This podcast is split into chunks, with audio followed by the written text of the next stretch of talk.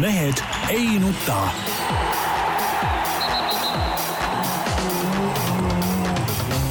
mehed ei nuta. selle eest, et mehed ei nutaks, kannab hoolt Unibet, mängijatelt mängijatele. Tere teisipäeva, lõpuks jõudsime eetrisse, meil olid siin väiksed tehnilised probleemid. see Rubinniku mees ei saanud tööga hakkama jah, ja nüüd ootab teda loomulikult palgast kinnipidamine. ja väi-, väi-, väidetavalt mingisugune boks juks-, jupsib, Tarmo teab, mis asi on boks. no ma võin teada küll, aga ma arvan, et meie kuulajaid ja vaatajaid see absoluutselt ei huvita. nii et Tarmo ja, ja Paju me rääkisime enne saadet ka sellest, kuidas äh, teeks saate nagu tempokalt ja, ja ajaraamides, nii et jätame selle boksi nüüd kõrvale. Nii Tarmo Paju Delfist, boksi boksi omanik. Peep Pahv Eesti Päevalehest ja Delfist. Jaan Martinson Eesti Päevalehest, Delfist, igalt poolt mujalt. no väike, väike poliitika või võiks siin sees olla, tähendab täna hommikul ma lugesin öö, huvitavat intervjuud, mis oli täielikult sisutühi, ehk siis meie peaministriga, aga pealkiri on see, see säärane, mida ta ka ütles, minu kall on eeskätt hoida ühiskonnas rahu ja tasakaalu, eri pooli liita. ja ausalt öeldes, olles Sellega elanud vii- olles elanud viiskümmend kaheksa aastat, pole nii meeletut kaklust siin Eestimaal mitte kunagi olnud, kõik ju võitlevad kõigiga, igal pool käib hirmus andmine, keegi ei ole ühe asjaga rahul, teise asjaga rahul, sealsamas Riigikogus, valitsuses, parteid omavahel löövad lahingut, ainult üks mögin käib, et vaata, kuidas teised teevad, kui, kui kehvad teised eks on. see Jaan on ikka varem ka nii olnud, sa ei mäleta. ei ole, nii hull ei ole, nii hull ei vaata ole. meid ennastki, me pole ka kakelnud nii palju kui viimasel ajal ikka mitte kunagi varem. noh, ja siis kui ei kakle, ei armasta, nagu öeldakse või nii et, nii et nagu ma ütlen, et seltsimees Jüri Ratas andis ise oma tööle hinnangu. jah, aga, aga teisest küljest lugesin hommikul ka teist intervjuud siis nii-öelda äh, Jüri Ratase justkui nagu kõige suurema konkurendiga meie enda lehes, Kaja Kallasega. Ja peab küll tunnistama, et ei tekitanud ühtegi veendumuse kübet ka see intervjuu, et Kaja Kallas oleks Jüri Ratasest parem peaminister. ei no mis parem, no seal ju eh, kõik enamus vastuseid ju, et ei No ta ei tea, tea ei põhimõtteliselt, mis tea, ei oska öelda ja no mingis siukses stiilis. kusjuures ta on tulnud Eestisse tagasi, tegeleb põhimõtteliselt siis noh, reaalselt ikkagi Partei juhtimisega. partei juhtimisega ja justkui peaks nagu väga hästi teadma, mismoodi on äh, Reformierakond üritanud organiseerida opositsiooni tööd, kaasata siis ütleme EKRE-t ja, ja teisi opositsiooniliikmeid sinna nii-öelda nagu kuidagi ühinema mingites küsimustes, aga ta ütleb lihtsalt, et ega ta täpselt ei tea, mis on tehtud ja mis ei ole, come on. ja, ja, ja, ja samas kui me vaatame kõige sisukamaid intervjuusid, siis praegu viimasel ajal annavad ärimehed väga häid intervjuusid, kus nad lahkavad ka ühiskondlikke probleeme nii majanduse vaatevinklist kui sotsiaalsest vaatevinklist, tänagi meil oli Eesti Päevalehes päris hea intervjuu, kus ta ütles, no miks me peaksime, peaksime võõrtööjõudu sisse öö, tooma, kui meil on endal inimesed olemas, ainuke probleem, et nad on laisad, ei viitsi midagi ei, teha. mul on tegelikult, tegelikult sellel on äh, suurem põhjus. mitte inimesed ei ole laisad, vaid ettevõtjad ei taha inimestele palka maksta enamus ärisid on üles ehitatud sellele, et maksame äh, olematut palka ja, ja siis äh, kui nüüd Eesti inimesed ei taha olematu palga eest töötada, et siis toome neid äh, nii-öelda pagulasi sisse, kes teevad mitte millegi eest tööd. see ei ole mingi majandus ju, ja kui sa, kui su eesmärk on maksta võimalikult vähe, maksta normaalset tasu inimesele ja, ja, ja asi korras ja ma ütlen, ega, ega meie ka tead, kui ma siin kuulan, meil on siin see, oh, teenisime kasumit nii ja naa, tead, jagame laiali, mis omanikud, Ants Ass Luik, tead, noh, pole sul midagi vaja nii palju, võtab väike tasu kuu eest ja ongi kõik, ega me ei pea siin sinu eest orjama, tead, see, töölised on selle teinud, töölistele tuleb see jagada. kommunism oleks nagu õige värk. nii, lõpetame poliitikaga, hakkame see ei spordiga olnudki poliitika, see oli väike majandusnõuanne. ei, see oli majandusnõuanne, ei vä väga õige nõuanne, nii äh, alustuseks rallist. Ja on olnud Ja tegelikult see, ma ütlen kohe head ära, tegelikult see ralli ümber see puterdamine ja see spekulatsioon, see kõriaugud, üldse ei huvita enam. Ei, no- antud juhul ei ole ju nagu väga spekuleerimist enam, reaalne uudis ikkagi, Sebastian Loeb ja kuus rallit. selle ümber olnud, et noh, et tegelikult enam nagu ei paku mingit huvi. Jaa, aga tegelikult hakkab sõitma seal jaanuaris ja enne ei ole mõtet rallist midagi rääkida. jaa, aga no tegelikult eh, see, et, et Sebastian Loeb eh, sõlmis Hyundai'ga lepingu taaskord, taaskord ajakirjanikud andsid sellest juba varem tükk aega teada ja, ja isegi see Hyundai jutt, eks, et, et oi, me ei pea siin mingeid läbirääkimisi Loebiga. muidugi ei pea, neil oli ammu räägitud. no just. täpselt nii. sest tema üldjuhul ju vaata on välja tulnud alati niimoodi, et tihtipeale asjad on juba ju sügisel juba paigas, ütleme, sügise hakul, noh. et sellal nad enam ei pidanudki ilmselt läbi rääkima, see oligi kõik juba klaar. just, kõik oli õige. jah, kõik oli õige. just, aga, aga, aga mis kogu selle asja niisugune miinus on, on see, näiteks äh, M-Sport ütles äh, eile välja, et äh, nad paluvad registreerimist äh, see ei ole ka esimene kord, jaa. see ei ole, ei, muidugi ei ole ja, ja alati on küll hakkama saadud, aga, aga see näitab, et, et M-spordiga on probleeme, tegelikult seal rallimaailmas on probleeme ja mis nüüd on, on, on ju see, et, et lööbi tulekuga ja, ja, ja üldse nagu Citroen sõidab ka ju nüüd kahe sõitjaga, M-sport sõidab äh, tõenäoliselt kahe sõitjaga, on kolm tegelikult väga head rallisõitjat on praegu tööta jäänud. Mats Ötsberg, Heidon Padon ja Craig Priin. aga seda on väga head rallisõitjad Ei.. Nad on, ütleme, rallimaailma mõistes nad on keskpärased ehk esikümne teise poole mehed. ei no ütleme nüüd ehk niimoodi, siis, eks, ehk siis sihuke, kuidas ma ütlen, nagu äh, ralli tipu äh,, kuidas ma ütlen, nagu sihuke mass nagu. jaa, aga ta on esikü-, maailma esikümne aga see sõitja rohkem ei olegi sõitjad, sest seepärast, kui sa juba sõidad WRC sarjas, sa oledki esikümne Peep sõitja., aga, aga, aga millise, millise sõnumi nüüd annab äh, nende meeste tööta jäämine nagu järgnevatele äh, rallipilootidele, meil Ke- Ken Torn on väga tore poiss, eks äh,, sõidab, räägib, tahab WRC-sse pääseda. seal, siin on veel pa- paljud halb on noored see, muidugi, see on nõus, halb on see muidugi.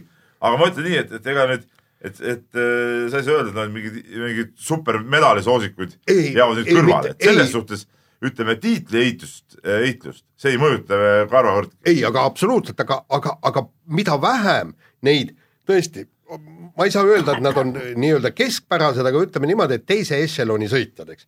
et mida vähem kõiki neid on, seda vähem väärtuslikuks muutub ka MM-tiitel. see, sest see, kui Sebastian Lö- Loeb võitis neid tiitleid siis, kui meil oli üldse ainult kolm palgalist sõitjat. et sa pi- pidid kolmest mehest parim olema no. jaa, aga Noh. ma ütlen sulle hea veel kord, ega tiitlivõitlus käib ikkagi äh, mehe hooajal vahel. jälle samade meeste vahel, eks ole. see, kas Priin, Ösberg sõidavad, jah, tore vaadata, vahest mõnel rallil, mis hästi sobilik, saavad ka poodiumile, nii nagu Ösberg sai vist eelmine aeg äh, kaks korda, Priin vist korra ja Pädan vist oli ka korra, eks ole. et see kõik on nagu tore, aga tiitlivõitlus see ei mõjuta, muidugi on kahju, mida rohkem minu arust võiks olla kakskümmend WRC autot, oleks veel ägedam, eks ole. aga kui paraku ei ole, siis ei ole noh. ja, ja, ja nii ongi, aga mis puudutab seda M-sporti, siis tegelikult see jutt, et et palun aega siin lisaregistreerimiseks, Malcolm Wilson on seda varem kasutanud, see on nagu puht sponsorite mõjutamine tegelikult noh. sponsorite mõjutamine ja ta on seda varem ka teinud ja miks nende raskused hakkasid pihta, loomulikult sellest, et see Ožeer äh, läheb ära, koos temaga lahkub ka nii-öelda Red Bulli raha M-spordi juurest ja, ja, ja see on see, mis, mis lööb nende eelarvesse ju selle augu tegelikult no.. kuigi see oli nagu Ožeega kaasas käiv raha, siis ta ikkagi tõi nagu tiimile ka sisse, see on selge. No olgem ausad, ilma Ožeeta M-spordil ei ole ka tegelikult ju noh, ei olegi enam piloote, kellega noh, väga suurt raha enda juurde nagu Pole enam midagi eriti müüa, jah. Teemu Suninen ju. ma räägin, et pole millegi ennast müüa, selles on probleem. no Teemu Suninen on veel, sealt võib kunagi midagi tulla, Elfin Evans sõitis eelmine aasta väga kehva hooaja, sealt ei tule üldse Nemad midagi. siiski on, on eest on vähemalt. mõne MM-ralli võitnud. kuule, ta on sõitnud niivõrd kaua ja ta sõitis oma D-McReffidega spetsiaalselt äh, Walesi ralliks projekteeritud rehvidega, noh. jah, aga see peab ikka sõidumees olema. olgu need rehvid no ta ei ole väga sõidumees. aga noh, ta on, ega ta ei ole nüüd, Evans ei ole ka kehvem sõidumees kui Sunninen, see on ka nagu selge, selge. aga noh, suures pildis minu arust see lööbi uudis on ikkagi nagu huvitavam osa ja see hakkab reaalselt mõjutama ka seda MM-tiitli konkurentsi mingil määral ikkagi, sest selge on see selge see, et tema hakkab vett segama igal juhul. Et noh, see, et ta juba see aasta näitas, et ta on võimeline võitma rallit ja, ja nüüd, nüüd ta on kuuel rallil, noh, kui ta seal ütleme kuuest kolmel-neljal tuleb juba esikolmikusse, siis see on juba oluline punktide muutus tegelikult. noh. omakorda näitas see Hyundai ära, et äh, ega ta tegelikult Thierry Neville'i väga ei usu, sellepärast et tuues lööbi nagu meeskonda, siis lööb hakkab ka Neuvillilt punkte ära võtma Ei,. sa ei ei, sa ei saa ju talle öelda, et kuule, ole hea mees, nüüd tõmba, saa? tõmba tagasi. Kohe siin, kohe hooaja esimestel rallidel või? üks ja kaks kohta, siis loomulikult saab. Ei, usud sa, et nad hakkavad seda esimestel rallidel kohe tegema et? lööbil kuue ralli kokkuvõttes nagunii ei ole varianti. üheksakordsele maailmameistrile sa ei saa seda öelda ja ma arvan, et ta ei oleks äh, sinna sõitma läinud, kui talle oleks öeldud, et nii, sa oled nüüd äh, tiimi teine või kolmas number, ei, et ta ei samas- mingi number, ta on, tal on kuus rallit, ta ei pretendeerigi mingile numbrile seal. temal on ainuke eesmärk võita, miks ta siis tuleb niisama sõitma või? noh, Ei. no natuke see tema, tema ja tema kaardilugeja kulgemine on meenutanud ikkagi sellist nagu lõbureisi ka ikkagi. No natuke, see lõbu- mitte natuke, vaid päris kõvasti et nad ei lõbureis. ole sellised veri ninast välja tohutu pinge all olevad sõitjad, Need on kõik, nende elutöö on tehtud just, et nad. võtavadki väga vabalt seda, selles mõttes ma ei ja imesta, sellised rallid, mis neile meeldivad. ja et ma ei imestaks, kui ta oleks nõus iseenesest selliste, selliste käikudega, kuigi see teisest otsast muidugi tundub jabur natukene. sellepärast sõitma tulla, et siis mingil hetkel Neville mööda lasta. noh, sa saad ju selle eest ka palka, eks ole, No sa aitad seda- tiimi, sa aitad kindlasti. tiimi, no kuule, alati, mida rohkem sa, sa ise tead ka seda, mida rohkem sul raha on, seda rohkem seda kulub, alati on juurde vaja, raha ei ole kunagi liiga palju.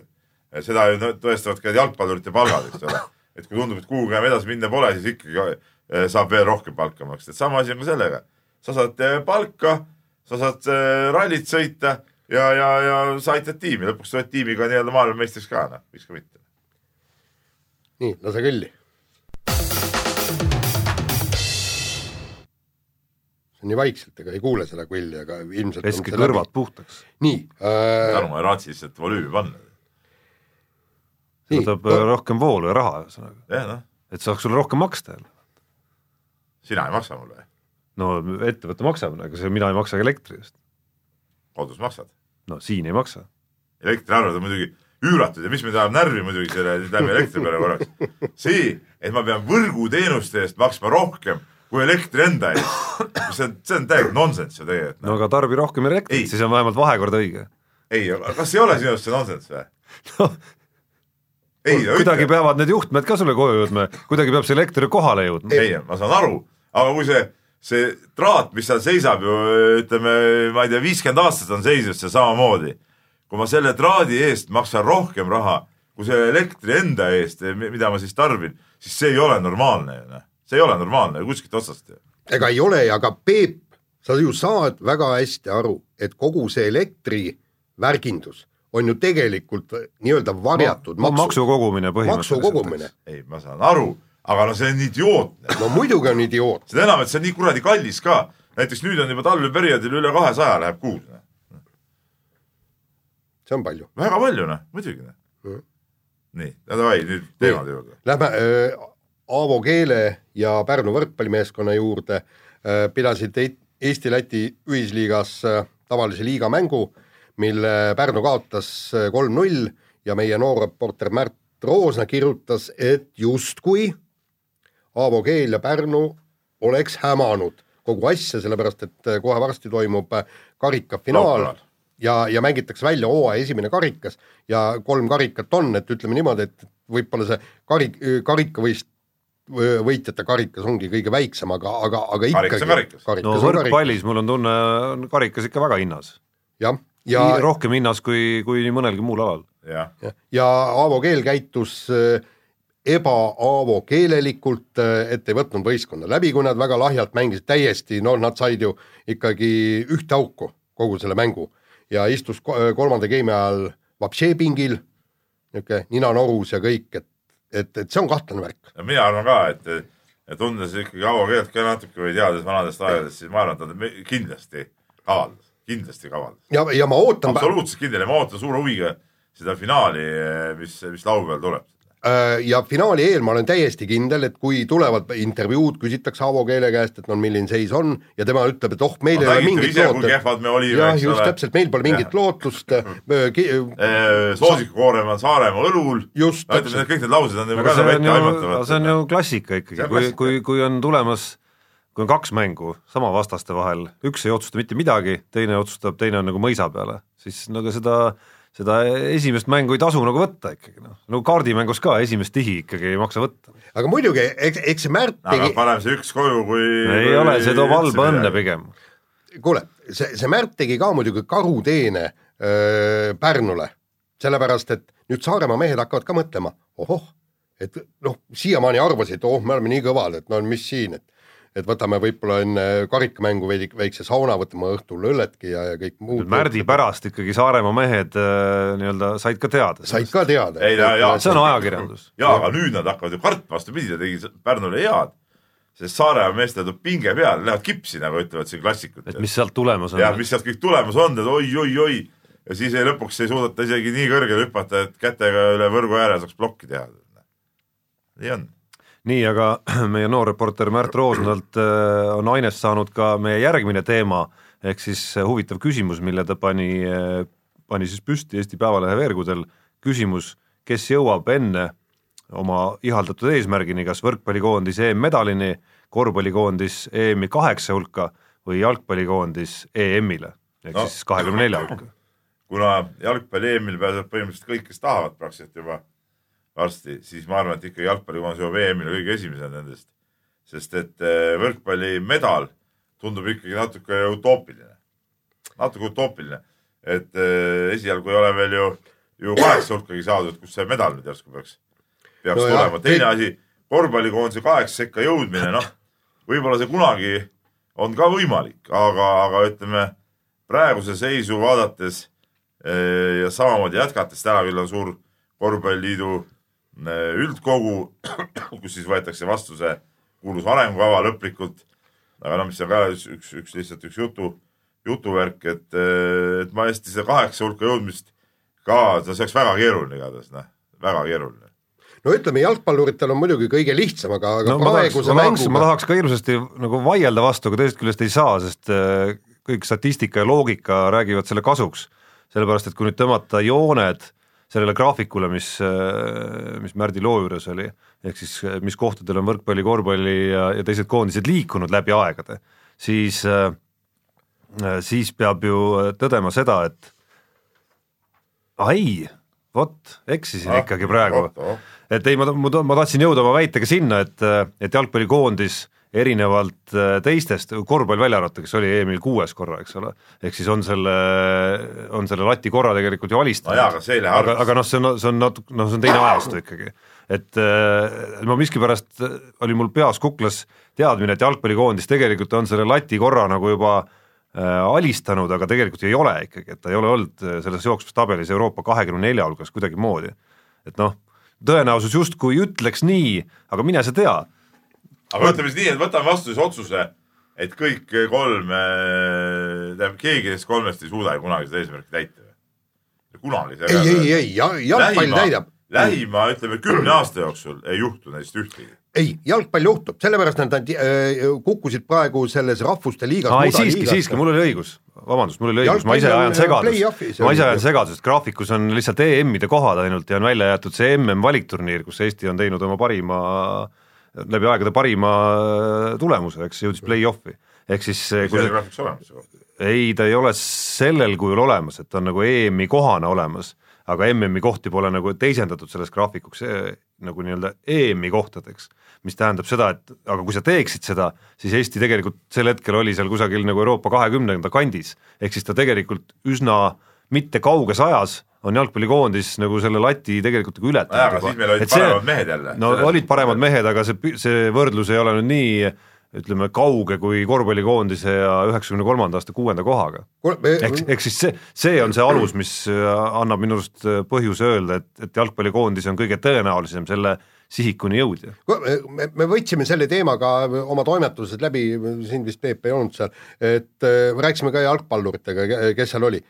meil on Rahvuste Liiga, me oleme mudadivisjonis, kui me seal mudadivisjonis äh, püsime, siis järgmine tsükkel, me saame ju läbi mudadivisjoni ka EM-finaalturniirile. Ja seal oligi, et noh, et selleks tuleb umbes play-off'is võita Makedooniat. no ütleme, et see ei ole nüüd küll nii meeletu see ei ole muidugi mingi see, see, see ei ole meeletu eesmärk. idiootsus jah, et äh, siiski, jalgpall võib kümne aasta jooksul EM-finaalturniirile jõuda. nii, võtame järgmise teema. aga äh, kõva avaldusega esines äh, Timo Eifus. jalkakoondis ma muidugi hüppan veel vahele, ma olen siin vusserdanud nii palju, aga see oli siiski EM-tsükkel, kus ta tegi, aga see graafik ajas mind vähe segadusse siin. Aga ühesõnaga fakt jääb õigeks, et, et jalkakoondis on tegelikult selle lati nagu korra ikkagi nagu ületanud ja Tee- mitte väga kauges ajas. tee nii lihtsaks äh, ja puust ette ja värvi punaseks kui võimalik. ja kusjuures jalkakoondis ongi punane siin aga, graafikus. aga Tarmo Paju sugustele euronoortele, kes äh, oskavad ainult äh, mingeid hüperkõrg digilahendusi vaadata, nad näete siukest puidust, puidust ja punasest värvitud asju, nad ei oska vaadata lihtsalt, ei oska lugeda. See on nüüd ka jälle. väga hea, et see selgeks sai, Peep, see tõesti. sai taas selgeks ja nüüd lähme edasi siis Timo Eifusi personaalküsimusega, kes sel hooajal mängib Valka Valka korvpallimeeskonnas ja andis ta päris äh, vägeva intervjuu siin peale viimast äh, kaotus siis ma ütlen siiski TTÜ eh, meeskonnale, minu keel ei paindu seda uut idiootset välismaa nime nimetamast ülikooli kohta. ja öö, ütles siis Eifus niimoodi, et öö, tal on kahju oma, oma meeskonna treenerist, kes on väga professionaalne, eks ole, ja aga paraku mängijatest, et kas mõni mees on lihtsalt loll või ei viitsi kuulata, aga no ütleme, see treeneri töö selles suhtes nagu vilja ei kanna, et, et, et äh, ei tehta neid asju ära, mis treener ette annab. no treener on neil hea, see on nagu selge, see on nagu näha. tema tuleku järel muidugi asjad on natuke muutunud, aga, aga ega see Valga koosseis nüüd tõesti mingi särav, särav ei ole. no päris noh, päris karmilt öeldud muidugi oma, oma meeskonnakaaslaste kohta, oma kolleegide kohta, et mõni mees on loll. no aga mis sa siis? ega ma Jaanile üle päeva et ma loodan, et ta on trennis ka need asjad ja meeskonna sees ka samamoodi öelnud välja kõigile. no jaa, aga no põhimõtteliselt kui, kui te ise vaatate nagu korvpalli, vot ma ütlen, et, et äh, viimasel ajal ei jälgi sedavõrd palju, aga oma, omal ajal, kui sa, kui sa vaatad, sa vaatad seda korvpallimängu, kas või Vana Kalevit või Ehitajat või kes me vaatasime, ja siis tegelikult teinekord tekibki tunne, et kuule, see mängija on ikka täielik oinas, tead, eks, tõesti loll. et, et ta ei jaga neid kõige lihtsamaid skeeme ära ja teeb seal täiesti valesid lahendusi, et, et see täiesti normaalne, eks. mõnedel meestel ei ole seda mängutarkust antud. no ei ole, nii on. nii, võtame järgmise teema ja räägime Peter Nordhugist, äh, Norra kuulsast suusatajast, kes Pisarate saatel andis teada, et tema karjäär on läbi noh, kuigi see karjäär oli juba ammu läbi, sellepärast et eh, eriti suusatajad enam ei olnud, rohkem oma tulemust no, ja ei, ei no ütleme juba aastakese sõitis nagu tervise sportlane ja ei ole jalgu allu, alla saanud. ja tegelikult ääretult kahju, et, et ma eh, pealkirjastasin oma loo, et eh, tsirkus Nordhug lõpetab ja, ja tegelikult ta tegi suusas show'd ja, ja, ja need etendused olid tegelikult noh, teinekord mõtled, et on totakad, aga noh, nalja sai. see annab värvi, jah. see annab värvi ja igal juhul, igal juhul suusatamine nagu kaotas sellega, et Nortug enam ei, ei osale selles karussellis, et see on nagu no lihtsalt tema nagu sellest aegadest, kui sa värvi andis, on ikkagi, olgem ausad, päris palju aega möödas ka, et sa saad värvi anda ikkagi siis, kui sa oled tipus. ei no mis nüüd päris palju aega on siis? no viimane MK-etapivõit kaks tuhat kuusteist märts ja, ja sellest jah. eelmine kaks tuhat viisteist, sellest eelmine kaks tuhat kolmteist. no jaa, aga, aga, aga enne, enne seda ta... medalit ta ju võttis seal veel lõpus ka ju. ja, ja, ja, ja, ja see, et, et ta kaks tuhat viisteist viimati. ta on ikkagi äh, seitse aastat pakkunud ikka noh, tõesti korralikke etendusi, kuidas ta kotib neid rootslasi ja ja, ja kotib kõiki, kes ette jäävad ja alaliitu ja teeb kõik skandaale, see on äge.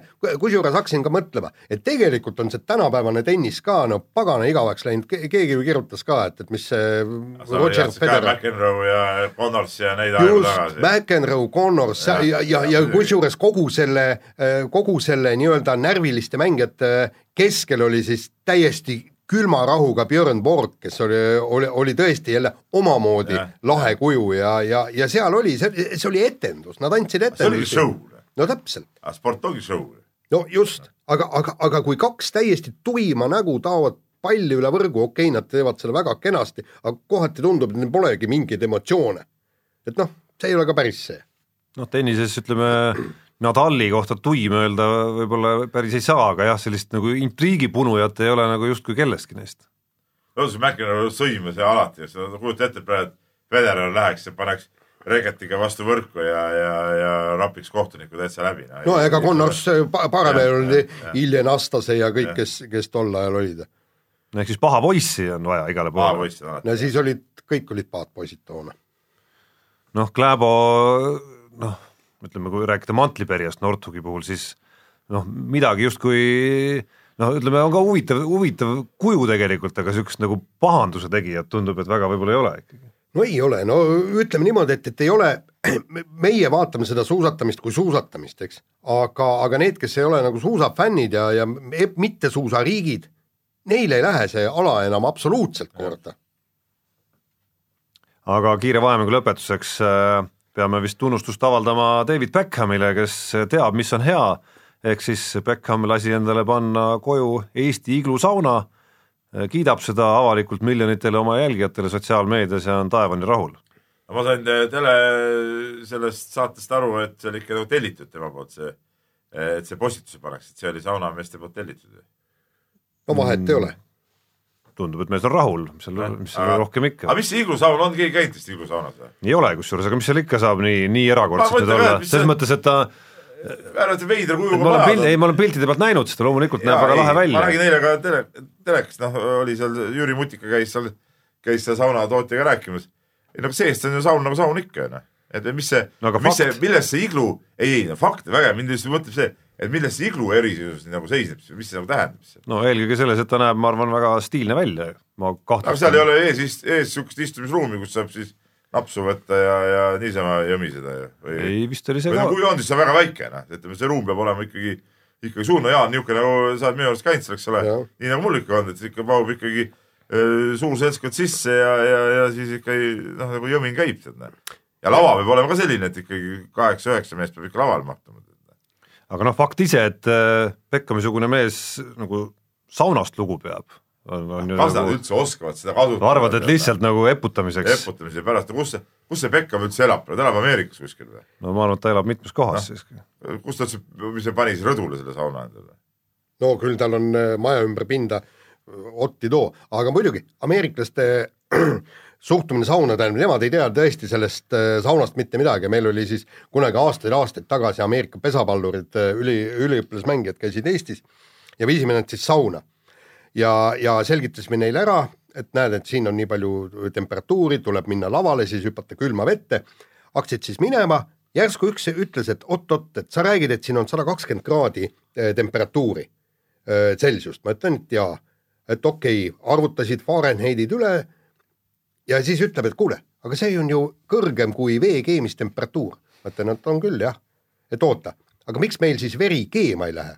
ma ütlesin, et ega ma ei oska öelda, meil ei lähe keema, me oleme kogu aeg äkki sul läheb? ei, ja selle peale ta ütles, aga võib-olla te olete noorest peale harjutanud ja teie veri ei lähe keema, minu veri läheb ja nad läksid tõesti ääretult niimoodi kartlikult sinna sauna, okei okay,, neile see pakkus hirmsat mõju, mõnu ja kõik ja nad käisid, hüppasid mitu korda vette ja oli jumalast lahe. Aga mis neil kõige suurem kogemus oli, mida nad hiljem Ameerikast rääkisid, ütles, et see oli täiesti kohutav. mehed istuvad laval, paljad ja persed puutuvad kokku, et see oli ikka nii kohutav, neil Ameerikas isegi ei, ei tule pähegi, et midagi niisugust toimuda saab. huvitav jah, kui ma nüüd hakkan vaatama, jutu ajal süvenen natuke sellesse iglu, iglusaunandusse, väga lahe näeb välja loomulikult kõik, aga aga nagu Beckhami finantside juures muidugi oleks võinud lasta ikkagi teha endale, ma arvan, mitte seda neljateist tuhande eurost niisugust nagu tüüpprojekti, mis on neil seal nii-öelda nagu, neil on kolm erinevat versiooni, et oleks võinud ju eritellimusega lasta teha ikka mingisugune niisugune vähemalt kaks korda suurem, et oleks tõesti see korralik nagu peopidamise koht, saab endale seal, ma ei tea, mõne Neville'i vennakese või kellegi külla kutsuda, eks ole, ja, ja nagu korralikult nautida seda värki seal. et see, seal on eesruum nagu olemas küll, aga aga noh, võib-olla arvestades palju arvestades palju Beckhamil äh, sõpru on, siis ma arvan, et seal oleks vaja vähe suuremat. no vot nii on. nii, aga lase vahepeal kõlli. kõll on vist läbi, Peep, kirjad. loodan, loodame, et sai läbi, nii. aga kirju on muidugi väga palju ja hakkame kohe, Jaan, pihta sinu personaalküsimusest loomulikult, alati, kui mina olen nagu postkontori juhataja, siis on alati ka personaalküsimused Jaan Martinsonile ja Kaarel eh, Kesamaa on selle saatnud ja küsib siis nii, küsimus Jaan Martinsonile. ta rääkis eelmises, eelmine saade, et kui laskesuusatajad on kehvad, siis kommentaator peaks ütlema sportlasele näkku, et oledki sitt lihtsalt. aga miks siis ise ei tee ta näiteks nii Tänakuga, kui Tänak on eksinud kusagil ja pärast ikka pehmendab olukorda või on murdmaasuusatajatega tehtud intervjuudes sama, samasugune olukord. Et kas on topeltstandardid? ei, ma ta, tahtsingi seda öelda, okei okay,, ma äh, võib-olla väga lennukalt hakkas nagu õigustama ja et, et, et mitte nii räigelt muidugi sa ei saa seda kõike välja öelda, aga, aga see on ju tüüpiline, ma mäletan, kui me tegime, ma olen vist äh, olümpial kindlasti, see oli Sotši olümpial, pärast seda vist oli MM-il ja eelneval MM-il on ka, kui sportlased on lõpetanud, siis põhiline küsimus, et kuule, mida sa seal rajal tegid, miks sa nii kehv oled, miks sa said neljakümne kolmanda koha, et sul olid lootused palju kõrgem, milles on probleem? ja, ja suusatajate puhul. Ja tüüpvastus on see, et kui teaks, siis teeks teistmoodi treeninguid ja kõike muud. Ja siis sa, sa ju arutadki selle pealt, eks sa ei hakka ju kiitma seda neljakümne kaheksandat või üheksandat kohta. sellepärast, et nad, nad kõik ju loodavad paremat ja isegi on välja äh, teatanud, et me tahame seda, teist, kolmandat, kõik ja ongi ainuke küsimus, ainuke küsimus, mis on lahti. ja ongi nii ju. no ei, ei saa ju, ei saa ju minna, öelda oi, jumalast vingelt panid. ja, ja nagu võtame meie laskesuusatajad, vaadates ära ka nüüd selle etapi, mis too- see nädalavahetus oli. ega lahti midagi ei olegi. Aga neil pole, ega paremat taset ei olegi just,. aga, aga, aga seda Aga tulebki nende küsida jaa, aga, aga tulebki küsida, et, et kas see ongi sinu tase, kas sa jäädki siia tasemele, kas arengut ei ole või mis?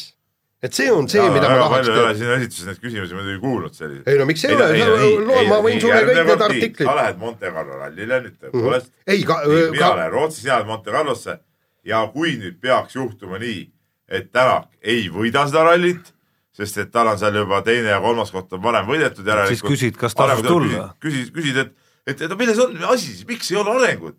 et, et milles probleem on, noh, miks sa oled nii kuradi vilets, tead noh. Peep, kuule, nii ja ootangi Ütleme- siin rohkem ja teema, see kiri on sellega lõppenud, lähme siit nüüd edasi ja kirjutab meile äh, Sauna Madis, siis ka vana tuttav meil, kelle tiik on vahepeal jäässe löönud ja, ja kiri on ilusutamisteemadel.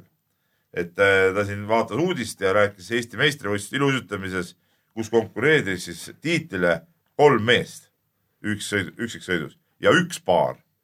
et mis tsirkus see on, ühe osalejaga sõidetakse olümpiala Eesti meistrit et eh, noh, mis me oskame selle kohta ütelda, siin küll viitab ka, et alaliidu suur juht oli, oli pikki aastaid eh, tuntud poliitik, noh, teada ei kes, eks ole, härra Savisaar, aga, aga noh, tõepoolest, kas ühe osalejaga võistlustel on mõtet nagu tiitlit välja anda? no aga miks mitte, kui, kui nad võistlevad ja meie Aga kellega ta võistles siis endaga? Peep, kas siin mitte mingeid reegleid ei ole isegi, mis puudutab mis puudutab spordisüsteemi laiemalt, et nii-öelda ametlik tiitel see justkui ei olegi, kui sul kolme osalejat ei ole? kuulge, Eesti iluuisutamine on ju kogu aeg selline olnud, ega Peep, sa mäletad, oli ju ka, meil oli see paarissõidus, seal oli ka ainult üks, üks osaleja, sest see paarissõit on üldse maailmas, tehakse seda niivõrd vähe, see, see, see on meil kogu aeg olnud, palju meil neid öö, jäätantsupaare on olnud? me, meil nojah, aga no ongi, siis ei annadki välja nagu ütleme, ei anna tiitlit, vaid, vaid eh, nii nagu vanasti eh, liidu meistrivõistluses kergejõustikus, kui jooksuajad olid kehvad, siis medalid ei antud. jaa, aga, aga, aga põhimõtteliselt kahjuks on meie iluuisutamine ikka kõvasti alla käinud no.. Et võrreldes sellega, mis meil oli Sotši eel mingi, mingitel hetkedel oli ju see võimalus isegi, et me saaks peaaegu võistkonnavõistluse välja panna no,. Sotši eel oligi jah, see oligi sotsi eel jah, täpselt. aga nüüd on muidugi täie, meie Jaaniga muidugi oleme ka tunnustatud ilustamisspetsialistid, oleme käinud ilusamist ka kohapeal vaatamas, eks ole, võistlustel, noh. et kahju, et ei saa nüüd ütleme süveneda akselite ja, ja, ja muude nende eh, hüpete ütleme, sügavustesse, nii. Ma olen ka trenni, ma olen ka trennis erinevalt teist käinud kunagi. sina käisid Anna Levandi no juures absoluutselt sõitmas, jah. oleks ma teadnud, et, oleks ma teadnud, et medalid niimoodi ripakil on, oleks praegu võtta ära. Oleks võtnud ära praegu. no sa suutsid peaaegu öö, poolik ma oleks kasvõi akseli, Anna Levandiga seal võinud paaris sõita. poolpöördelise akseli oleks ääre pealt ära teinud isegi. jah, nii, aga lähme edasi kirjadega. Markus kirjutab ja, ja ta, talle jäi kõrva siis eelmise saate lõpus, kui Tarmo küsis minu käest, et kui Martin Järveoja oleks, osaleks aasta sportlase valimisel, et siis eh, milline oleks eh, järjestus. muuseas, ma ütlen ära, et, et kui me tegime oma hääletust, siis ma panin Martin Järveoja, lisasin ka sinna esiviisikusse. oota, aga mulle jäi muidugi segaseks see, ma hommikul küsisin su käest ka seda ja ma saan aru, et sa panid ta viiendaks, kuigi eelmise saate lõpus sa ütlesid, et ta peaks kolmas olema. no,. et kuidas see kuidagi liigub sul ikka nii, vaata siin saates, ega siin ju kõik kohe ei tule ka meelde, lasin vahepeal läbi äh, mälusopist, mis tiitlid, mis võimalused. Ja siis seal äh, olukord natuke äh, Selgines. selgines jah, nii selgines, aga siin muuseas küsimus läheb nagu edasi, et siis ka minu küsimus, et kui Mart Järve oleks MM-il mõne välismaa mehe kaardilugeja, näiteks Ožeeri, siis kas ja milline tulemus MM-il tõstaks Järveoja aasta sportlaste valimisel kõrgemale Kirdist? noh, kui ütleme, Ožee, Järve oleks Ožee kaardilugeja otse jõuab maailmameister, siis ta olekski olnud Eesti aasta parim sportlane, midagi teha pole. nii ongi, maailmameister, autoralli maailmameister. ja kusjuures siin on ju väga huvitav küsimus, kogu aeg on räägitud, eks vaata eelmine aasta algas see võitlus pihta, eks, et kui Ott Tänak ei olnud äh, nende äh, individuaalsportlaste valimisel omaette kandidaat ja siis oligi, et noh, et, et see on ikka tiimivärk ja kõik, aga praegu ongi täiesti selge küsimus, eks, kui Järveoja oleks Ožee kaardilugeja, et mis see Eesti parim, parim Eesti võ- võistkond oleks äh, siis Ossier Järveoja. ja sa ei saa nagu valida justkui, kuigi kas ei olnud äh, aegadel, kus äh, Marko Märtin oli Michael Parkiga, kas ikkagi võeti nad tiimina arvestuse või mitte, Ei ma mäletan võeti selle küll. üle, Ei selle üle käisid võeti. vaidlused kõvad, ma mäletan mm. -hmm. aga minu arust ikkagi võeti küll ikka võeti. küll, aga vaata, seal on hoopis teine asi, üks on nagu juht. Ikka tuleb seesama asi välja. ei, tead mis asja, tegelikult sihuke tiim ei saa olla. Et seal oleks pidanud Marko Märtin olema individuaalselt ja oleks pidanud need tiitlid kätte saama. jah, just. see on nagu õige. kusjuures ta oli ka individuaalselt, aga väga paljud ei pannud teda. nojah, no nii nagu see tsirkus käib ka praegu, noh, nagu ega praegu ka paljud ju ei pane ja ei tunnista. nii, aga võtame viimaseks ette siin kirju tõesti palju, viimaseks hetke Eno Astoki eh, kirja, et Jaan ei saaks süüdistada mind nagu kallutatuses, vot mina olen niisugune nagu, mina olen nagu tasakaalustatud žurnalist, eks ole, nüüd eh, lasen tuld ka enda peale ja, ja Eno on siin kirjutanud siis em, sellest, et Peep on alati uuenduste ja tänapäevaste võimaluste sporti toomise vastu. nüüd ta toetab kümnevõistluse Kundersoni meetodi sissetoomu- toomist. loomulikult on ta valinud kõige totrama koha, kus muutusi toetada ja siis ta siin toob välja jutt käis sellest, et et tahetakse teha niisugune võistlus, kus kümnevõistluses viimasel alal, siis tuhande viiesaja meetri jooksul minnakse nii-öelda Kundersoni meetodi alusel, et eh, liider läheb esimesena ja nii edasi nii edasi. ja siis eh, Eno siin toob välja, et eh, et tuhande viiesaja meetri punktitabelis ei ole ajavahe hind punktides alati täpselt sama, et noh, siin tekib juba see vastuolu, eks ole.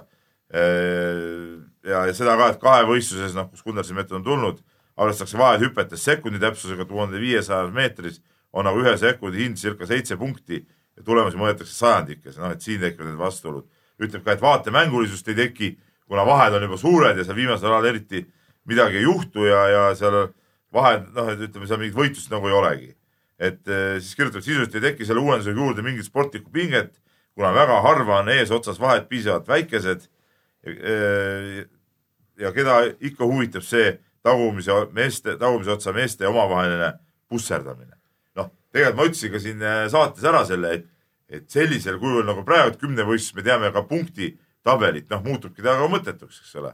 et ilmselt sealt tuleks võib-olla ka selle Gundersi meetodiga ka need vahed kuidagi nagu nagu väiksemaks eh, tekitada, et eh, aga põnev oleks ikka, ega siis kui Eno ütleb, et, et eh, viimasel alal midagi ei juhtu, et seal järjestusi ei muutu, siis pole mõtet viimast ala üldse pidadagi kümnevõistlust enam, noh. mis me üldse rajale lähme siis? no üldiselt ikka, ikka ajalugu on näidanud, et äh, Ikka mõne medali koha peale ikkagi üldjoontes ikka rabelemine. mingi rabelemine on jäänud ikkagi. no see, siis ei paku ju üldse, kus Kevin Maie praegu on tõesti nii ülekaalukalt teistest. aga noh, see ei paku nagunii huvi, kui No Kevin see- Maier, kas ta, kas ta jookseb parasjagu teistega ühistardis või mitte, vahet ei ole. see võit on nagunii selgunud juba. et no mina arvan küll, et seal eh, no seda võiks nagu proovida, noh. et see võiks olla ikkagi, ikkagi huvitav, ma ei ole nagu Eno kriitikaga nõus. Ja kui ma ei ole nõus, siis järelikult Enol ei olnud õigus ja minul on õigus, nii, aga et lähme noh, selle, mis puudutab seda, et äh, ütleme neli kümne juures on äh, ütleme, punkti väärtus natuke teistsugune sekundites, kui ma ei tea, neli neli viiekümne juures. noh siis natukene nagunii tuleb mingi kesktee seal valida Jah, lihtsalt, kogu lugu on ju. jah, kahjuks jääb meil a- alati palju kirju äh, Jaa, jääb jääb aga vastamata. tegelikult peaks, no tõe peaks huvides olgu öeldud veel eelmise teema kohta, Märtin Paark valiti parimaks võistkonnaks kaks korda äh, Eesti aasta parimate jagamisel, et et reaalselt on see, see võistkonna kuju on olnud, näed, aga nüüd äh, Ogier äh, Järveoja kujuteldav võistkond, see justkui sobiks. ei no sobiks, ei, see Järveoja muidugi ei sobi, no kuidas ta sobib siis? ma räägin, et Järveoja ise oleks siis sel juhul aasta meessportlane. aga kusjuures sa peaksid see on sama hea siis äh,, Tarmo, kui äh, nüüd Siim-Sander Vene läks Gran Canariasse, eks ole, nii mm. -hmm. ja Gran Canaria juhuslikult võidab ära Euroliiga, no oletame niimoodi. ma saan aru jah, ja siis valime Gran Canaria Eesti aasta võistkonnast, sest seal mängib Siim-Sander Vene. no see oleks sama absurd. ja lihtsalt eelmises saates sa üritasid ikkagi üsna veendunult vaielda, et kaardilugeja on ikkagi põhimõtteliselt sama tähtis kui Ongi., kui piloot. ongi, ega et see, et Tänak on piloot, ei tee ju seda automaatselt Eesti tiimiks. kui tal oleks näiteks välismaalast kaardilugeja. seda ma just ütlengi, et äh, Märtin Paark tegelikult ei oleks pidanud saama ka äh, Eesti võisk-, võistkonnana äh, ütleme, osaleda sellel hääletusel. et noh, ei saagi noh, individuaalselt, palun väga. ja Märtin oleks pidanud saama individuaalselt mingil aastal kindlasti Eesti aasta meessportlaseks, kaks tuhat kolm näiteks. kolm näiteks jah, kolm oli vist küll, kes seal. Värnik, Värnik Võbe. ja Hõbe, Hõbe, jah, noh, nii ja naa. ja tegelikult eh, Peep, sa peaksid ükskord võtma need vastamata kirjad tegema kirjade vastamise erisaate. no nii, nii, aga paneme aga paneme edasi siis kõlli. ei, kõlli vaja. ei tule vahepeal. tuleb see hoopis reklaami, reklaamimeestel sai raha otsa või? jah, nii, tuleb äh, korvpall ja Siim-Sander Vene hüpleb äh, seal Hispaanias päris võimsalt ühest meeskonnast teise, et kuivõrd tavapärane see on, et pärast kahte mängu järsku siirdutakse sama liiga öö, mõnda teise meeskonda. no ei ole väga tavapärane kindlasti, aga noh, ma ei saaks öelda, et see ainulaadne olukord maailmas nüüd oleks. aga, aga noh, midagi ei ole teha, kui asjaolud niimoodi kokku jooksid, kui see Gran Canaria huvi kuskil taustal juba sisuliselt vist hooaja algusest saadik tiksus ja, ja kui need argumendid eh, ütleme, kahe klubi vahelises konkurentsis rääkisid ikkagi eelkõige tänu Euroliigale Gran Canaria kasuks, siis äh, ühest küljest kindlasti nagu Fuenlabrada ehk siis selle klubi äh, vaatenurgast, kes oli ta jõudnud just palgata, noh kindlasti oli ikkagi üsna ebameeldiv selline asjade käik, eks ole, et nad olid panustanud oma aja ja oma aega ja kõiki olid panustanud sellesse ja teinud otsuse ja nad, neid lükati põhimõtteliselt paari nädala jagu siis selles protsessis jälle kuskile algpunkti nagu tagasi, on ju.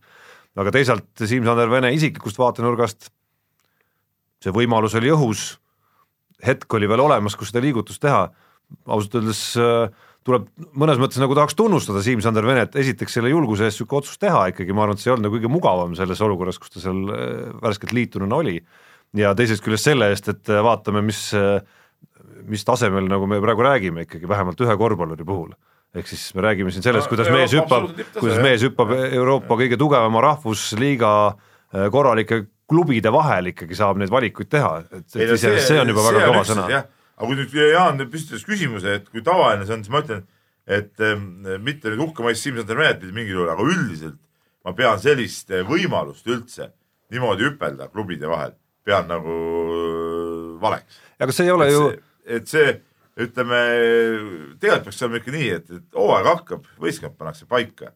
mängid nende meestega, kes sul on, okei okay,, mõni saab seal vigastada, võib-olla sa tõesti tood siis ühe mängija juurde või midagi niimoodi. aga nii, et siin hooaja jooksul tegelikult siukseid mängijaid on ju palju, võta, võta siis nagu mängijate biograafia lahti. ühel hooajal seal alustas siit, liikus sinna, liikus tänna, veel vahest ei tea kuhu veel. noh, see ei ole nagu päris, päris mõistlik nagu ütleme, seal ei teki nagu seda, mis minu jaoks alati on oluline, nagu see oma, oma tiimitunne, eks ole, see, et see mees on seal selle võistkonna küljes nagu, noh, seda nagu ei teki, aga, aga kui me võtame nüüd Siim-Sander Vene seisukohast, jah, ma olen absoluutselt nõus sinuga.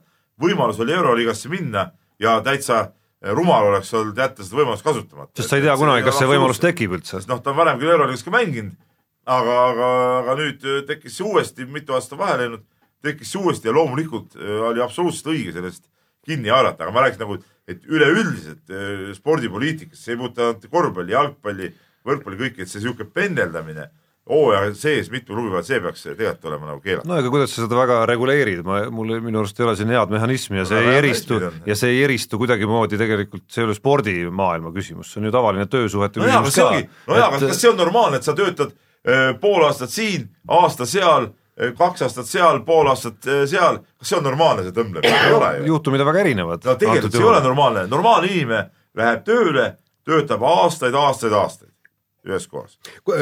kusjuures ma siin toon paralleeli Ameerika jalgpalliga, mis mulle väga meeldib ja võib-olla ka, kuidas seal NBA-s on, teie oskate ehk parem öelda, seal on ikkagi see, et kui mängija läheb ühte klubisse, siis suure tõenäosusega on ta seal klubis ikkagi palju-palju aastaid. Ja, ja, ja seal, seal on ka öö, mängijaid, kes teavad, et nad ei võida mitte kunagi Super Bowli. aga need teevad tööd selles klubis, see klubi palkas nad, maksab korralikku palka, sõlmitakse lepingud, ta mängibki seal kaheksa, üheksa, kümme aastat. no, ja, ja see ei ole niisugune, see ei oleks niisugune see on absoluutselt ja, ja no mina, ma ei tea, kuidas NFL-is täpselt on, aga NBA-s NBA-s ja tegelikult ka mujal igal pool äh, sellistes nagu lepinguga sp- sportides ehk siis võistkonnamängud eelkõige, nagu lühiajalised lepingud kui sellised on ka siiski asja osa, et ega seesama Gran Canaria on tegelikult üsna hea järjepidevusega meeskond. see Gran Canaria näiteks ei ole kindlasti meeskond, kellele saaks ette heita seda, et nad kuidagi ei hooliks oma järjepidevusest et seal on, ja sa vaatad seda koosseisu siis seal on, seal on nagu väga hästi, klubi on hoolitsenud selle eest.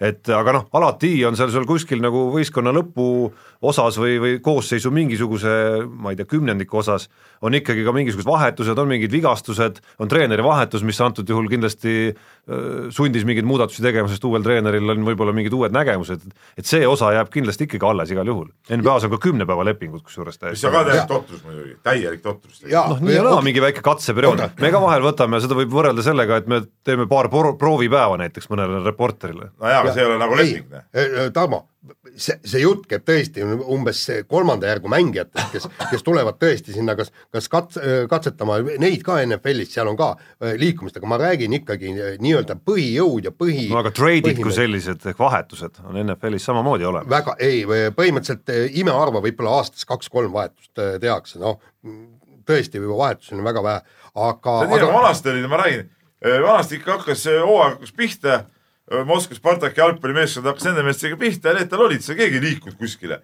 ja ka välismaal, ega siis seal ka hooaja keskel vanasti ei olnud sellist äh, no vanasti, vanasti kui Kalev tuli liidu meistriks, siis ka hooaja käigus meeskond täienes siis. kuulge, siis oli jah. mõistame ka hukka. mi-, mi-, mind nagu me.... päris ka okei ei ole jah. mi-, mind meeletult häirib, me teeme seda äh, nii-öelda Kalev Cramo äh, ühisliiga mängublogi, eks. Et seal on, kes, kes viskab korvi ja kõik niimoodi ja kui ma loen, seal, seal ei ole kirjas, kes see on, et mingisuguse äh, ameeriklase nimi, et viskas, see viskas, ma ei tea, millisest meeskonnast see on, eriti veel hooaja alguses, need on minu jaoks täiesti tänapäeval tundmatud. nagu ei saa, vanasti teadsid alati, et kes, kes kus Just. mängib, mis tiimi vend on. ma ei mõtle siin ka meie ajal mitte, et järgmine jälle mõeldagi, et see räägib mingist Nõukogude Liidu asjast, ei. ma olen omal ajal sai vaadatud ka seda Euroopa jalgpalli, kõik ju teadsid, eks ole, kes, kes kus nendes tugevates klubides mängivad ja nad ei muutunud seal niimoodi, et, et kord siin, kord seal. Sellega- tänapäeval nagu ei tea seda enam. sellega seoses äh, on NBA-st üks värske ja päris hea nali tegelikult, et äh, NBA-s oli, oli mõnda aega õhus üks, oli üks kolme klubi vaheline mängijate vahetuse äh, nagu diil ja esimesel korral, see nüüd hiljuti sai tehtud, aga esimesel korral kukkus viimasel hetkel see, see trade list siis läbi sellisel kummalisel põhjusel, et ühes võistkonnas olid kaks ühenimelist mängijat, Brooks oli vist mõlemal perekonnanimi ja, ja selgus, et nende läbirääkimiste käigus äh, noh, oli räägitud Brooksist, aga viimasel hetkel selgus, et oli räägitud siis erinevatest meestest. üks oli mõelnud ühte Brooksi ja teine teist Brooksi. üks tahtis ühte, teine oli oma arust müüs teist. ja ühesõnaga see asi kukkus läbi esimesel katsel kõik. Et noh, rääkides segadusest, et et, et kes suudab järge pidada, mis mängijad, kus seal üldse nagu nii-öelda, mis positsioonis on. et treidid peaks olema hooajavahelised asjad. hooajal ikkagi on mehed paigas. nii, aga vahetame teemat äh, ja läheme eile siis äh, taas kord äh, meediasse jõudnud äh, teema juurde, ehk siis ma ei tea, mitmes volüüm see sellel, sellest sarjast on, aga Kristiina Šmigun-Vähi ja tema äh, dopingujuhtum jõudis siis äh, Norra meediast läbi käia eile ja, ja sellest on olnud nüüd Eestis ka juttu ja tänases lehes Peebulgi oli kommentaar, ehk siis äh, norralased äh, ühe oma teise ja pikema loo raames väidavad, et Kristiina Šmigun-Vähi pääses siis oma viimasest süüdistusest tänu dopinguküttide veale. no ma ütlen nii. uskuda või mitte, on küsimus. ei no jaa, see ongi eh, uskuda või mitte, no kõige lihtsamalt saab eh, kõik asjad ikkagi ära klaarida Kristiina ise. et eh, siin nagu seisukoht saab olla ainult ühene. Tuleb lõpetada ära see eh, vaikimine, varjamine, mis seal siis tegelikult toimus selle eh, protsessi käigus. kui sa oled puhas ja aus, siis ei ole nagu mingeid takistusi sul seda ausalt ka välja ütelda, tähendab. kui sa ei ole, vot siis, siis on nagu jääb, jääb sihuke küsimused jäävad nagu õhku Peep, ma vaata, ma olen siin, siin ka korranud, eks, et, et see, see, need asjalood ei ole lihtsad ja mina vaatan seda nüüd äh, nii-öelda amet-. aga asjalood, Jaan, ei ole Ei, lihtsad siis juba ongi mingi häma. jaa, ei, aga mis ei tähenda, et ta veel, mis ei tähenda, et ta süüdi oleks. just ei no ma ei saa öelda, et ta süüdi on, sest ma ei tea, mis seal ja värk oli. aga, aga, aga ma vaatan seda just selle ROK-i ehk siis Rahvusvahelise Olümpiakomitee poolt, kes on need dopinguproovid võtnud ja kõik, ja kuidas ta käitub praegu kõikide nende, nende Vene sportlastega ja kõik nii, annab teada, siin oli see, see keelatud aine, võtame nad äh, maha, võistluskeeld, pärast seda, kui äh, antakse spordikohtusse, siis selgub, kas võidab, kumb, kumb osapool võidab, on võitnud sportlased, on võitnud äh, ro- rokk, ei ole mingit küsimust, eks. ja nüüd me räägime see, et, et et B-proovi avamise juures ei olnud sportlast või sportlase esindajat, mis, mis peaks reeglitega olema, eks. no milles probleem, Rokk peaks ju selle külmalt välja ütlema, jah, me tegime vea, no se- seda on ju ennegi, näiteks Tše- Tšepalova proovidega oli mingisugune jama, siin on äh, ajaloos on kümneid juhtumeid, kui, kui need on, et, et seal on tegelikult äh, märgatavalt sü- sügavam asi. Ja, ja teine samas asi, neil ei tohiks dopingureeglite järgi olla nagu õigus nii palju lahkama hakata seda üldse. ei, kui Kristiina Smigun ütles ise, et mingid eh, keelatud ainemolekulid olid organismis, mis ei oleks pidanud seal olema, aga. see ei tähenda, et Ei, aga Rokil oleks õigus ikkagi seda nagu ei, edasi oota, hakata oota, oota, lahkama. Tarmo, Tarmo. sest neil ei ole justkui õigust üldse enne midagi rääkida, kui on ametlik positiivne B-proov. Kristiina juba ise ju tunnistas, et oli ja nüüd ta ütleb, et mingit teemat ei olnud. aga millest ta siis rääkis siis? me kõik ju nägime, käis Aktuaalses Kaameras ju seal rääkimas, tegi avalduse. Ma tean, ma tean seda väga hästi. millest ta siis rääkis, unustas ära, et ta rääkis seda või? kuidas, mis asja, kuhu need molekulid kadusid? et mina ootaks, ma ootaks Kristiina Šmigunilt kui vähemalt muud mitte, ma, ma tegelikult ootaks ka seda kõike, mida Peep sina ootad, aga ootaks vähemalt seda lauset, et et ta ei saa sellest rääkida, noh, kas või seda lauset. ei, aga miks ta ei saa ja, ja seda ka miks, no näiteks, et, et osapooled on nii kokku leppinud või, või nii on kokkuleppe osa või no mingit sellist lauset kas aga või. kui siin on mingid kokkulepped, mingid asjad, vot siis jääbki see kaotus ja saavad norrakad seda eluaeg kedrata, saame meie siin seda aeg-ajalt üles tõmmata ja see jääbki. mis puudutab sellesse norralaste nagu, nagu versiooni, mida nad välja käisid siin loo sees, ega mul ausalt öeldes, no kuna sellest, see oli tegelikult väga pisike osa vist kogu sellest artiklist, mida No norralased kirjutasid et ega minus see nagu mingit veendumust ei tekitanud, et et jah, täpselt nii see ilmselt oli ka, sest noh, see oli tõesti nagu libisedes öeldud. Seda rääkis Anatoli või Šmigun jaa, ju just, et võib-olla nad võtsid selle lihtsalt sellest samast äh, Postimehe loost, kus äh, Anatoli Šmigun korra seda tegelikult ütles, eks. Ja me ei tea, kas see nii oli või ei olnud. nojah, aga kas siis Anatoli Šmigun mõtles välja selle? noh, kõlab ebatõenäoliselt. no see kõlab ka ebatõenäoliselt nii, vaata, me tegime koostööd ju kaks aastat selle Norra TV2 äh, spordiajakirjanikuga, kes proovis kahe aasta jooksul leida se- selle põhjuse, et milles küsimus on ja ta, ta, ta jõudis nii palju, et ta jõudis ROK-i liikmeteni, kes ütlesid, et me ei saa sellest rääkida. ja, ja üks ROK-i liige siis paotas paar sõna ja siis nädala pärast ütles, et mul kästi suu sel teemal kinni hoida. et seal on mingisugune nagu sügavam probleem ja noh, põhjus jah ongi nagu- ja aga, aga, aga seal ongi see, jaa, aga kui Kristiina on puhas, eks ole, eeldame, et ta on puhas, miks ta peaks minema Rockiga mingitele kokkulepetele mitte rääkides, milleks, mis see No- no,, mis see, mis see point nagu no on? võib-olla seepärast, et ta ei taha seda rokki aga põhja sellega lasta. ta laseb iseennast ju põhja, noh. jaa, ja selge see, et, et need Marit Björgeni medaleid hakatakse lugema siin siis, kui Marit Björgen saab sajaaastaseks, siis ka veel räägitakse, et Torino olümpiamängudel oleks ta pidanud saama veel ühe kulla ja, ja, ja aga ta ei saanud seda sellepärast ette, eks ju. aga kõik väga lihtne lahendus on sellele ja kõik me usume, et ikkagi meie Sangar on võitnud ju medalid ju, ju, ju puhtalt ja kõik on aus, aga siis tuleb välja ja ütelda, mis siis toimus ikkagi, no selles on kogu see asja, asja mõte. nii, kuule, me, me, meil on aega, aega, aega on meeletult läinud ja paneme, pane kõll kiirelt.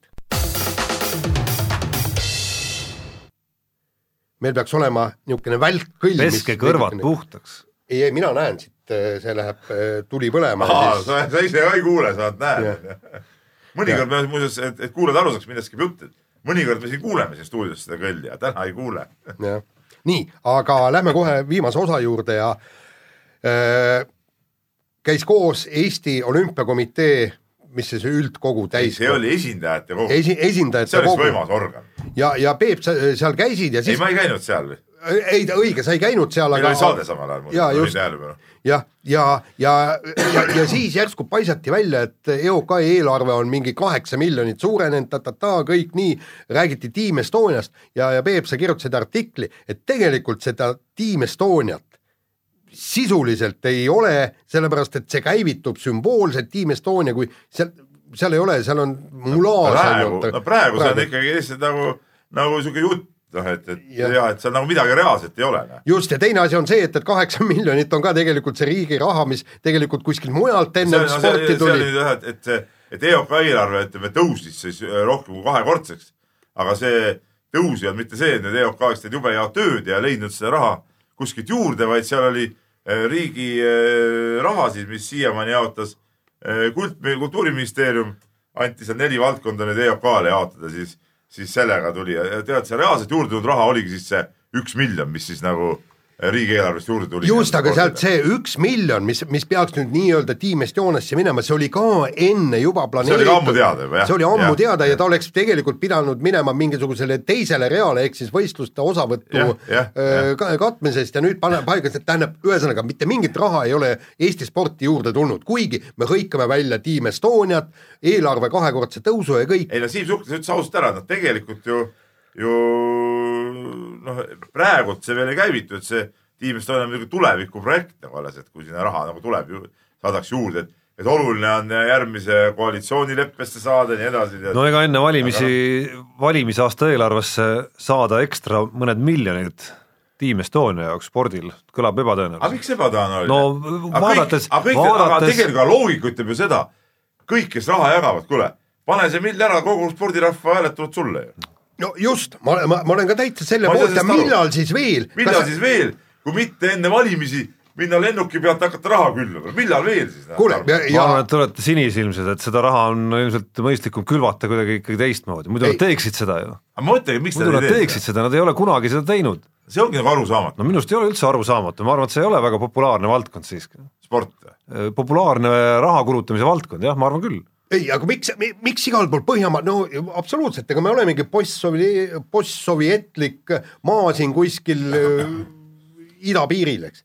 sellepärast, et see, need spordi, tippspordi ja rahvaspordi ja kõik need sporditeemad on Soomes, Rootsis, Norras, Islandil, kõik igal pool on ääretult populaarsed. ma kujutan ette, et, et Islandil see, see va- valitsust tänatakse, suudeldakse ja hõisatakse neid tänu sellele, et nad on selle süsteemi nii kõvasti paika pannud, et et see jalgpallisats käib ja, ja mängib MM-idel ja EM-idel jõuab alagruppidest edasi kõik. et see, see on ju tegelikult poliitiline otsus ja ma arvan, et kogu Island on sellest väga äh, rahul äh, kõigest sellest, aga mis siia Team Estoniasse puutub, ma eile hakkasin mõtlema, lõpetame selle Team Estonia jutu ära me, me, me räägime miljoni juurde tulnud, okei okay,, me räägime võib-olla tippspordist, tippsportlaste kõik nii, aga unustame selle Team Estonia ära. Team Estoniast hakkame äh, rääkima siis, kui on eelarve koos. no praegu toetatakse Team Estonia sportlasteks neid, kes saavad A ja B kategooria stipendiume. no need sportlased meil kogu aeg on olemas olnud. no just täpselt, et seal nagu mingit eh, ja nüüd me kaardistame jälle, nüüd me siin, ma ei tea, joonistame midagi, noh, käib lihtsalt ei no tiim tähendab ikkagi mingeid reaalseid tegevusi mis, mis selle, midagi, mis on tehtud lisaks nendele, et nad niigi lihtsalt toetust saavad. Aga seda ei ole, igal pool ei, ei Ei, et saada- tähendab, seal Team Denmark, Team Denmark äh, Taanis, seal on öö, kõikidele, kes kuuluvad sinna tiimi ehk siis Team Denmarki Taani öö, koondisse või mitte isegi koondisse, vaid just sinna tiimi, neile on tagatud absoluutselt kõik tingimused sporti teha, neil on olemas meditsiiniline teenindus, treeningpaigad, treeneritasud, kõik okay,, kõik, kõik, kõik. meditsiini pool ongi see, mida, mida siis nüüd nagu nii-öelda üritatakse siis eh, kuidagi nagu eh, paika saada, aga noh, see noh, kas üritatakse või saadakse või jumal seda teab, millal see kõik ükskord juhtuma hakkab. Selle endise tippujooja Indrek Seiga öö, intervjuus, kui ta ütles, et see Eestis spordimeditsiini pool on täiesti olematu ja ma olen sellega nõus, tähendab, mul, mul juba ka, kaks inimest helistasid ja rääkisid, ütlesid, et see on tõsi, tõesti niimoodi, võrreldes omaaegse ajaga. kujutage ette, me mängisime mingis, pesapall oli meil täielikult maailma mõistes null me mängisime liidu meistrivõistluste kvalifikatsiooni, meil olid oma arst kaasas, me olime dispantseeringud kõik, meil oli oma arst, meeskonnal oli okei okay,, ta, ta tegeles ka teiste spordialadega, aga meie mä- mängijad läksid, astusid sinna sisse, et näed, mul on siin see probleem, teine probleem, kohe arstid leiti kõik, parandati need probleemid ära ja võistlustel ei olnud mingit, meie andsime ainult teada, meil on võistlused nendel, nendel kuupäevadel. Lennujaamas oli ilusasti, arst oli oma kohvritega kohal ja, ja, ja kõik öö, anti kaasa. niimoodi käis see omal ajal, see süsteem. me olime täiesti tagatud, täiesti mõttetu pesapallisats. praegu pole. aga me räägime praegu tippsportlastest. no vot, meil on Team Estonia olemas olnud, tuleb välja jah. Jaan on selle ehe. tegelikult korra on teinud juba, tuleks võtta lihtsalt äh, küsida, kuidas asjad käivad. nii, nii, aga Aga sellega on otsad saad kokku., tõmbame otsad kokku ja kuulake meid täpselt nädala pärast. oota, see on vist mingisugune pühade aegu, eks ju? kahekümne viies kahekümne detsember. viies, viies kõik jõulukingid on juba lahti tehtud. Jaan muidugi ei saa, Jaan vist tegi päkapikud ka. ei käi, ei ma ei, minul isiklikult või? et nagu minu, kas minu sussi sisse, kui minu susse pole, ei käi. vaat sa oled ka paha poiss. Sul käivad või? hea, Jaan on hea poiss, minul on käinud. nii, aga mul on siis väga hea meel mitte iga sulle. päev, iga päev võib-olla pole nii hea olnud, milles eks ole. see, kas täna käisid või? täna ma ei, veel ei olnud vaadanud, hommikul polnud aega vaadata. aga, aga ütleme nii, mõnikord on käinud. tehke siit omad järeldused, noored mehed ja vanad mehed. mu ainuke järeldus, mis ma oskan teha, on, et äh, viga on see, et mul ei ole sussi. sul on sussid? muidugi on, sul ei ole, ei. miks? milleks mul suss on, paljajalu käin kodus. no ei, ma käin ka päris tihti, aga, aga sussid on ka. ei, sa pead spetsiaalsed sussid ostma. no okei okay., ma proovin, proovin järgi siis. nii, ja kuulake meid siis kahekümne viiendal, me oleme kõik kenasti kohal ja kained. seda ei saa nüüd äh, kõigi nimel sa, Jaan, nii kindlalt öelda, aga ma usun, et kaks kolmandikku vähemalt küll on jah, meie Peebuga. näiteks. mehed ei nuta.